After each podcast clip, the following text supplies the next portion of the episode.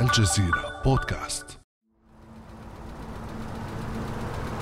من خلف قاعدة الوطية في ساعات الصباح الباكر تم اقتحام هذه القاعدة وتم السيطرة على كافة المواقع في قاعدة الوطية بالكامل وتأمينها بالكامل.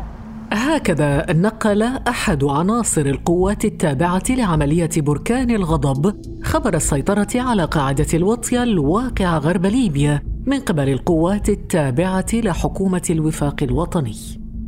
داخل القاعدة العسكرية انتشر المقاتلون ممسكين بهواتفهم المحمولة لتوثيق هذه اللحظات. بدأ المقاتلون في تفقد حظائر الطائرات والمخازن الموجودة في القاعدة.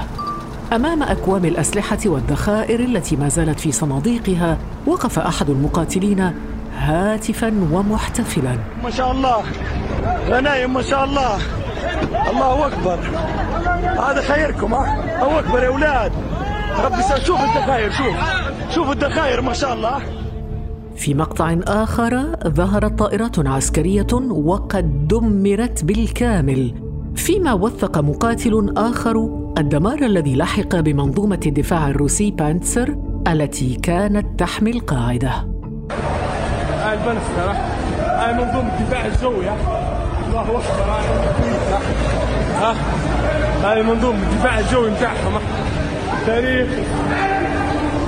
الله أكبر 18 5 الله أكبر الله أكبر 4 كيلو مضاف ما الذي حدث في قاعدة الوطية؟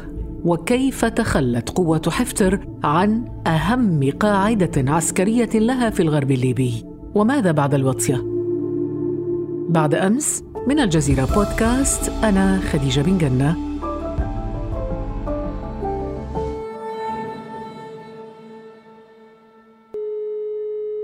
وينضم إلي من العاصمة الليبية طرابلس مراسل الجزيرة هناك أحمد خليفة ويشاركنا في هذه الحلقة أيضا من إسطنبول المحلل السياسي الليبي الأستاذ وليد رتيمة. أرحب بكما أحمد خليفة ووليد رتيمة وأبدأ معك أحمد في طرابلس. ما الذي حدث بالضبط في الساعات الأخيرة؟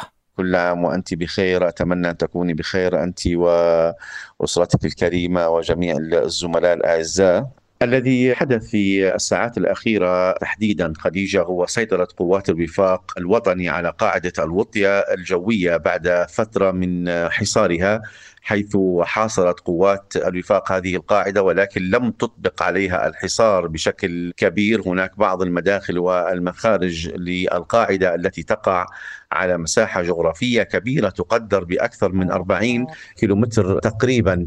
فما حدث هو تقدم لقوات الوفاق أو ما يمكن أن نصفه بالاجتياح لقاعدة الوطية الجوية، سبق هذا الاجتياح عمليات جوية مكثفة استمرت لأكثر من شهر قام فيها سلاح الجو التابع لقوات الرفاق بقصف القاعدة بشكل مكثف وتحديدا قصف كل المواقع داخل القاعدة من المواقع التي توجد فيها أسلحة وذخائر وآليات ومخازن سلاح ومخازن ذخيرة ومستودعات للطائرات. لكن في الثمان والأربعين ساعة الماضية كانت هناك عمليات جوية مكثفة بحيث أننا نستطيع القول أن سلاح سلاح الجو أو طائرات قوات الوفاق لم تبرح سماء القاعدة طيلة الثماني والأربعين ساعة الماضية. كانت توجه ضربات موجعة لقوات حفتر داخل القاعدة تمكنت خلال هذه الضربات من تدمير منظومتي دفاع جوي روسيتي الصنع من نوع بانستر. وأيضا دمرت عدد من المواقع المهمة. ما الذي عثر عليه أحمد داخل القاعدة؟ عثرت قوات الوفاق داخل قاعدة الوطية الجوية خديجة على كميات كبيرة من الأسلحة والذخائر الأسلحة بجميع أنواعها المتوسطة والخفيفة وأيضا هناك أسلحة ثقيلة.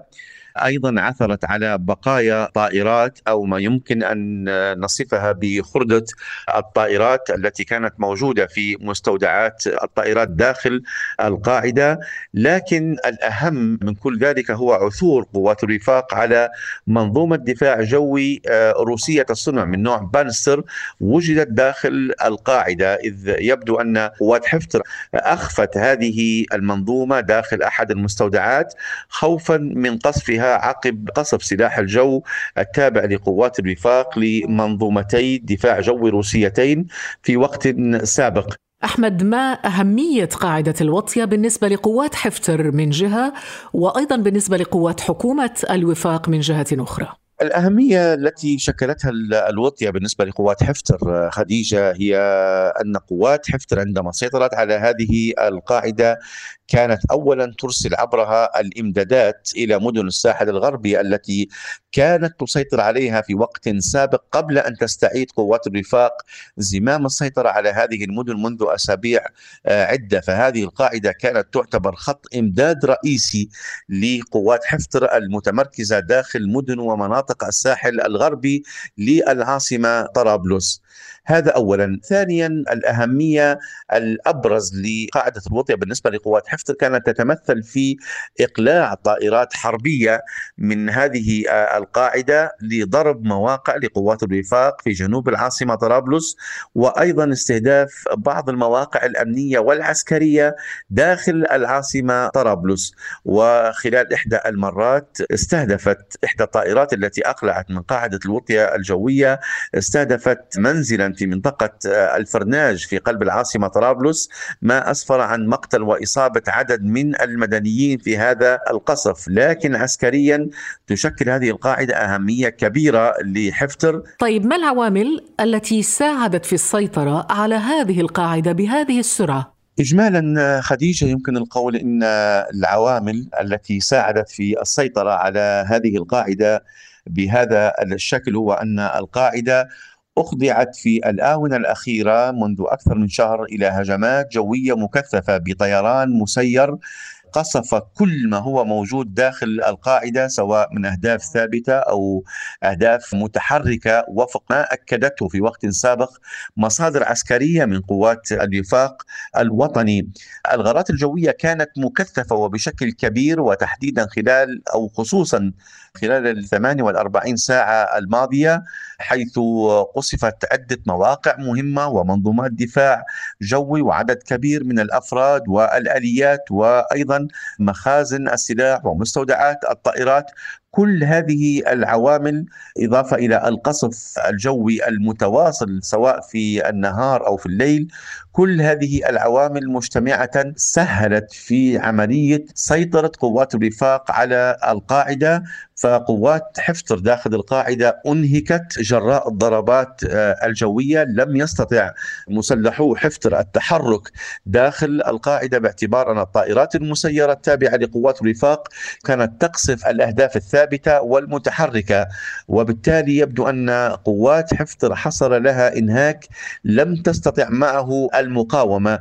وبالتالي نظمت عملية انسحاب جماعية مع مقاومة بسيطة فقط جعلت قوات الوفاق تتقدم بسرعة وتسيطر على القاعدة في وقت وجيز. أحمد أطلعنا على ردود الفعل الأولية على السيطرة على القاعدة.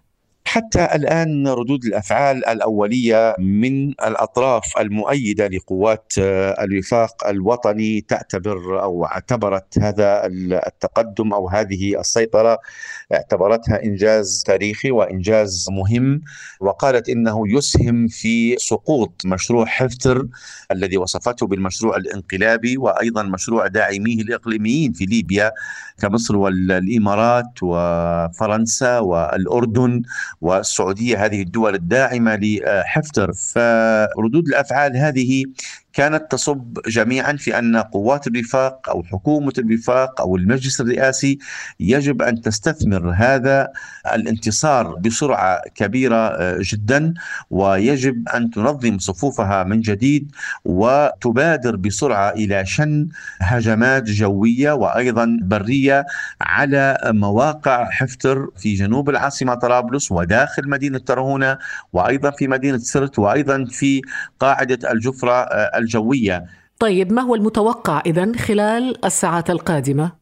قد يتوقع أن تكون هناك تصريحات من بعض السياسيين الدوليين وتحديدا السياسيين الأوروبيين تطالب بالتهدئة النهائية تطالب حفتر ربما بمراجعة مواقفه بعد هذه الهزيمة التي تعرضت لها قواته اليوم في قاعدة الوطيه الجوية شكرا لك أحمد خليفة في طرابلس وأنتقل الآن إلى إسطنبول وإلى المحلل السياسي آه، وليد ارتيما أهلا وسهلا بك أستاذ وليد. أهلا وسهلا بك أستاذة خديجة وشكرا جزيلا لكم على هذه الاستضافة الكريمة. شكرا. أستاذ وليد دعنا نشير بداية إلى أنه قبل أسابيع قليلة فقط أكد وكيل وزارة الدفاع في حكومة الوفاق الوطنية الليبية صلاح الدين النمروش تورط دول عربية وأجنبية في ليبيا. لنستمع اولا إلى تصريحه. قبض على العديد من الأسرى آه، تم إحالتهم للجهات القضائية والجهات الرسمية لتولي التحقيق معهم والتحقيقات الأولية تدل على تورط العديد من الدول.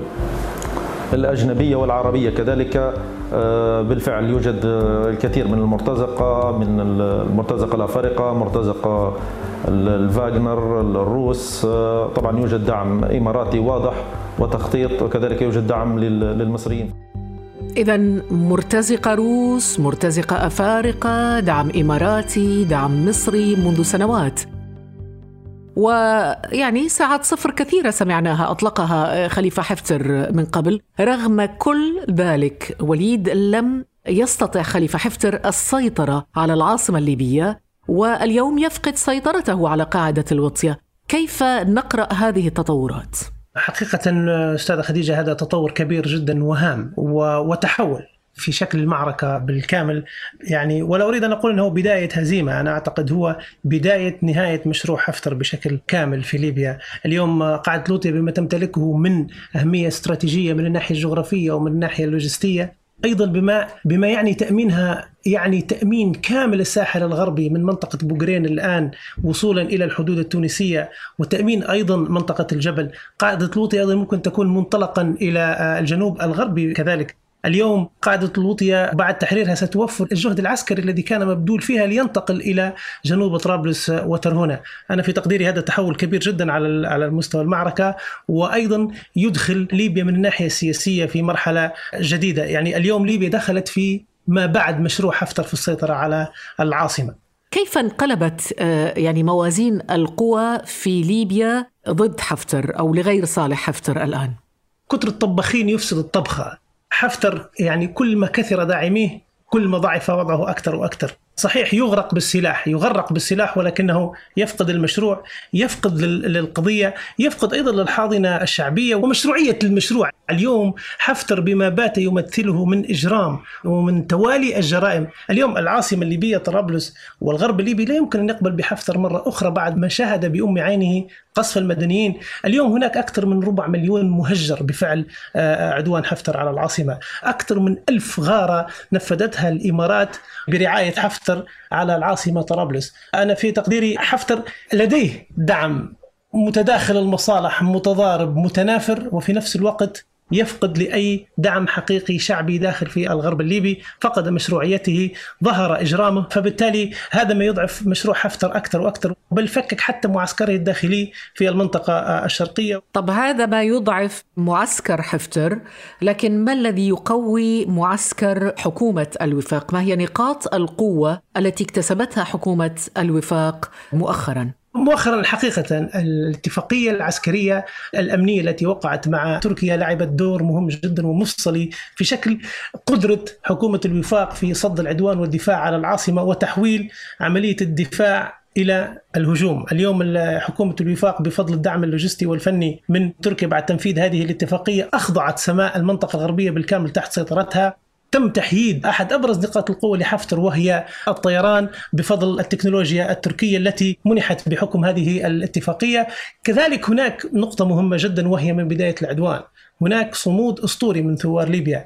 اليوم 4 4 2019 عندما هجم حفتر على العاصمة بأكثر من 1200 سيارة كان هناك شباب من ثوار ليبيا وقفوا شبه عزل في وجه هذا العدوان. وبدأت تتطور عملية الدفاع العاصمة من إمكانيات ثوار بسيطة وصولا إلى تطوير عملية الدفاع وممارسة حكومة الوفاق لشرعيتها وتوقيع اتفاقية مع تركيا. إذا عملية الدفاع على العاصمة حتى تحولت إلى هجوم هي عملية تطورت بشكل تراكمي دعينا نقول. بداية بدأ بمجهودات ذاتية من الليبيين أنفسهم من شباب الليبيين ثم دخل دعم حكومة الوفاق على مستوى محلي وعندما جاءت الاتفاقية الدفاع المشترك بين تركيا وليبيا هي التي عملت النقلة الكبيرة على المستوى التكنولوجي والفني واللوجستي وخاصة في مجال الدفاع الجوي. على ذكر حكومة الوفاق الوطني ظهر في التاسع والعشرين من أبريل الماضي المتحدث باسم قواتها العقيد طيار محمد جنونو في مؤتمر صحفي. وتحدث الرجل عن التهديدات التي تمثلها القواعد العسكرية التي تسيطر عليها قوة حفتر. بدأ جنونو بقاعدة الوطية التي منها كانت تنطلق الهجمات على العاصمة طرابلس قبل السيطرة عليها من قبل قوات حكومة الوفاق. القاعدة المحتلة الثانية هي قاعدة الجفرة. تقع في وسط ليبيا. تبعد حوالي 600 كيلومتر عن العاصمة طرابلس. قاعدة ذات أهمية كبرى. جغرافيا هذه القاعدة الأفضل في ليبيا. هي مفترق طرق بين الجنوب والشمال والشرق والغرب. القاعدة المحتلة الثالثة هي قاعدة الخادم. هذه القاعدة تحتلها الإمارات بشكل معلن وصريح أمام مرأى ومسمع العالم. إذا هي ثلاث قواعد عسكرية رئيسية أستاذ وليد. طبعا كما استمعنا الآن إلى السيد جنونو. اليوم وبعد السيطرة على أولى هذه القواعد وهي الوطية ما هي الخطوة الثانية برأيك؟ في تقديري الخطوة القادمة هي جنوب طرابلس وترهونة اليوم التهديد الأساسي على المدنيين يأتي من جنوب طرابلس ومن مدينة ترهونة قاعدة لوطيا كانت تستعمل للقصف الجوي وتم تحييدها من مدة والحمد لله اليوم تم تحريرها. الجنوب العاصمة هو الذي فعلا الآن يشكل تهديدا على المدنيين وكل القصف العشوائي يأتي من جنوب العاصمة. وأعتقد في تقديري إن فاغنر يركزون قوتهم هناك. يعني هناك معلومات بأن فاغنر تركز قوتها في جنوب العاصمة ومن حوالي أسبوعين أو ثلاثة أسابيع ماضيه استعملوا حتى غاز السارين السام من أجل الحفاظ على مواقعهم.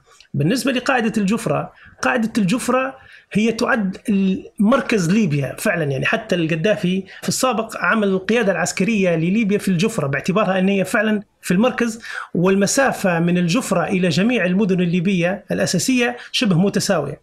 وهناك خبراء عسكريين يتحدثون على أن لن ينتهي التهديد على العاصمة قبل تحرير قاعدة الجفرة لأن الجفرة هي النقطة الأساسية التي ينطلق منها الدعم أو خطوط الإمداد إلى ترهونة ومنها إلى إلى جنوب العاصمة. فبالتالي اليوم لن ينتهي التهديد على العاصمة قبل تحرير قاعدة الجفرة لأنها هي النقطة الأساسية التي تنطلق منها كل العتاد والإمدادات العسكرية إلى غاية ترهونة ومنها التهديد على العاصمة. فتحرير قاعدة الجفرة هو يعني ليس فقط ابعاد الخطر على طرابلس وإنهاء العدوان على على طرابلس، تحرير قاعدة الجفرة يعني إعادة السيطرة على أغلب نقاط الجنوب بل حتى سرت. سوف يبقى من الصعب جدا على حفتر البقاء في سرت وبعدها لن يبقى أمام حفتر الا قاعدة الخادم الإماراتية للأسف والتي بدأ فيها العمل الإماراتي منذ سنة 2015 يعني من بداية سنة 2015 بدأت الإمارات تضع فيها في جنود وعتاد وغرفة عمليات وهناك آه، غرفة عمليات تحكم في الطيران المسير هناك هناك غرفة عمليات اتصالات وتخابر. هي رأس الحرب الإماراتية في ليبيا هي قاعدة الخادم في شرق ليبيا قريبة من من الرجمة التي آه، يقيم فيها حفتر. طيب أستاذ وليد ماذا عن البعد الدولي الآن؟ طبعا نتحدث عن الاتحاد الأوروبي، الناتو، الأمم المتحدة، الولايات المتحدة الأمريكية، ما الذي سيتغير في هذا الموقف الدولي الآن؟ الموقف الدولي إذا ما قلنا بأن المحرك الأساسي للموقف الدولي الواضح هو هو الولايات المتحدة الأمريكية واليوم كما يعلم الجميع بأن الولايات المتحدة الأمريكية يحركها شيئين أساسيين في منطقتنا وهي السلوك الروسي والجماعات المتطرفة دخول روسيا على خط الأزمة في ليبيا عبر فاغنر وتنامي هذا الدور وتعاظم هذا الدور غير المواقف الدولية. أول شيء بحكم الجغرافيا السياسية لليبيا ووجود ليبيا في المجال الحيوي الأوروبي الاهتمام الأمريكي بعدم وجود روسي في شمال أفريقيا وعلى جنوب المتوسط كل هذه المعطيات جعلت من الدوائر أو يعني تضيق حوالين آه، حفتر. اليوم حفتر لا يواجه فقط صمود حكومة الوفاق على الأرض ولا يواجه فقط الجرائم التي يرتكبها. ولدرجة أن بن سودة في الإحاطة الأخيرة وصفت حفتر بأنه ميليشيات وليس جيش. اليوم حفتر يواجه أيضا موقف حلف شمال الأطلسي المصمم أساسا لاحتواء روسيا. اليوم حفتر يواجه موقف أمريكي عبر عنه السفير الأمريكي في مقابلة صحفية بالأمس عندما قال حفتر بدأ يخسر عليه أن يكون أكثر ذكاء ويتجه إلى حل سياسي فورا وينهي هذا الهجوم على العاصمة. اليوم حفتر ضاقت عليه الدوائر. الخطاب الدولي تجاه حفتر تغير تماما. أصبح قريب من محكمة الجنايات الدولية أكثر منه قريب لحل سياسي في ليبيا. حفتر والإمارات أخطأوا خطأ كبير عندما أتوا بروسيا إلى ليبيا. وقد وقد تضحي الإمارات بحفتر كي تخلي مسؤوليتها من من جلبها آه، روسيا إلى ليبيا على الأقل أمام الولايات المتحدة الأمريكية. شكرا جزيلا لك وليد رتيمة المحلل السياسي الليبي. شكرا لك من إسطنبول وصحة فطورك شكرا جزيلا لكم وأنا سعيد جدا بهذه الاستضافة والله. الله يخليك تسلم. شكرا جزيلا لكم وإن شاء الله يومكم طيب وربي إن شاء الله يعيد عليكم العواشير على خير يا رب. آمين. كان هذا بعد أمس.